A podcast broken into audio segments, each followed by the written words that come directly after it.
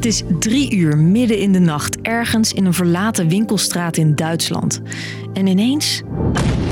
Buiten staat een pinautomaat in de fik. Een paar in het donker geklede mannen rapen zoveel mogelijk geld van de grond en vluchten dan over de Duitse autobaan richting Nederland.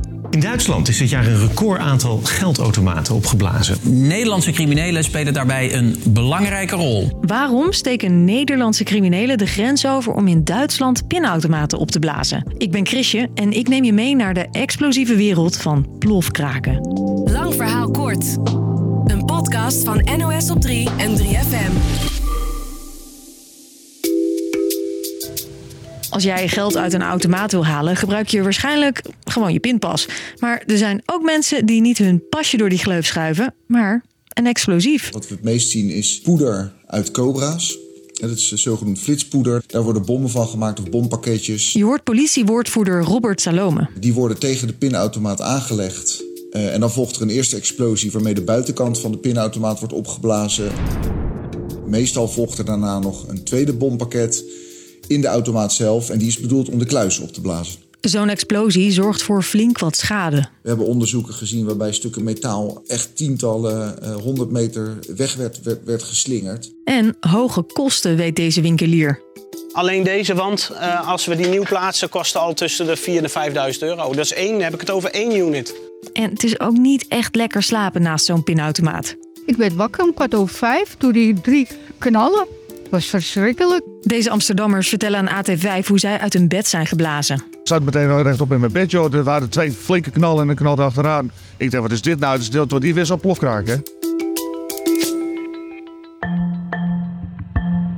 De politie weet ongeveer wie die plofkrakers Het gaat om, zijn. om een vaste groep van, van, van, van enkele honderden, veelal jonge mannen die zich, die zich met deze tak van sport bezighouden. Zegt Salome van de politie. Deze groep ziet plofkraken als een snelle manier om rijk te worden. Al is de kans dat het lukt klein. In Nederland wordt er eigenlijk nog maar zelden buitgemaakt. Het is niet zo dat onze pinautomaten van extra sterk materiaal zijn gemaakt. Hoe zwaarder de, de, de automaat beveiligd wordt, hoe zwaarder ook de explosieven die worden gebruikt.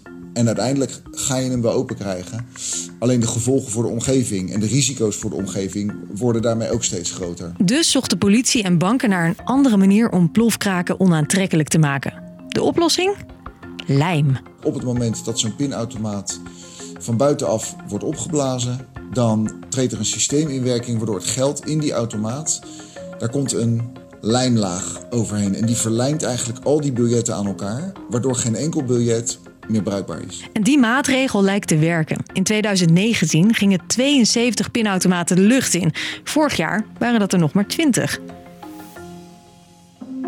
Nou, probleem opgelost, zou je denken. Nou, niet helemaal. Want Nederlanders zijn niet per se gestopt met plofkraken. Ze hebben een nieuw werkterrein ontdekt. Jawohl! In Duitsland. Afgelopen jaar werden er bij onze buren bijna 500 pinautomaten opgeblazen. De meeste door Nederlanders. Je hoort een Duitse politiecommissaris. Gingen die Verdächtigen äußerst rücksichtslos voor. De verdachten zijn volgens hem meedogenloos en brengen anderen in gevaar.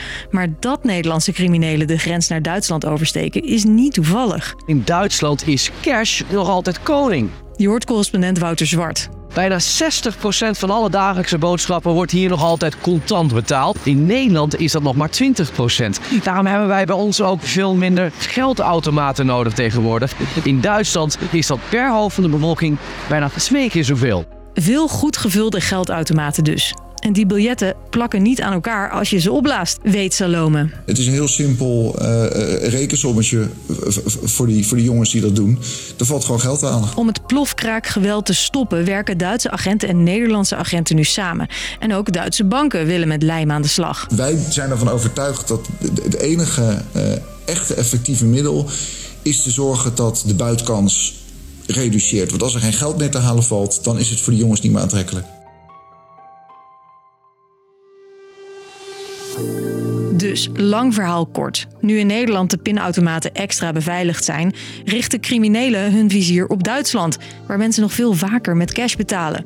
De Duitse politie heeft zijn handen vol aan deze explosieve Nederlandse bezoekers en werkt samen met onze politie om dat geweld te stoppen. Dat was hem weer. Morgen rond de klok van vijf ploft er weer een nieuwe aflevering online. Bedankt voor het luisteren. Doeg!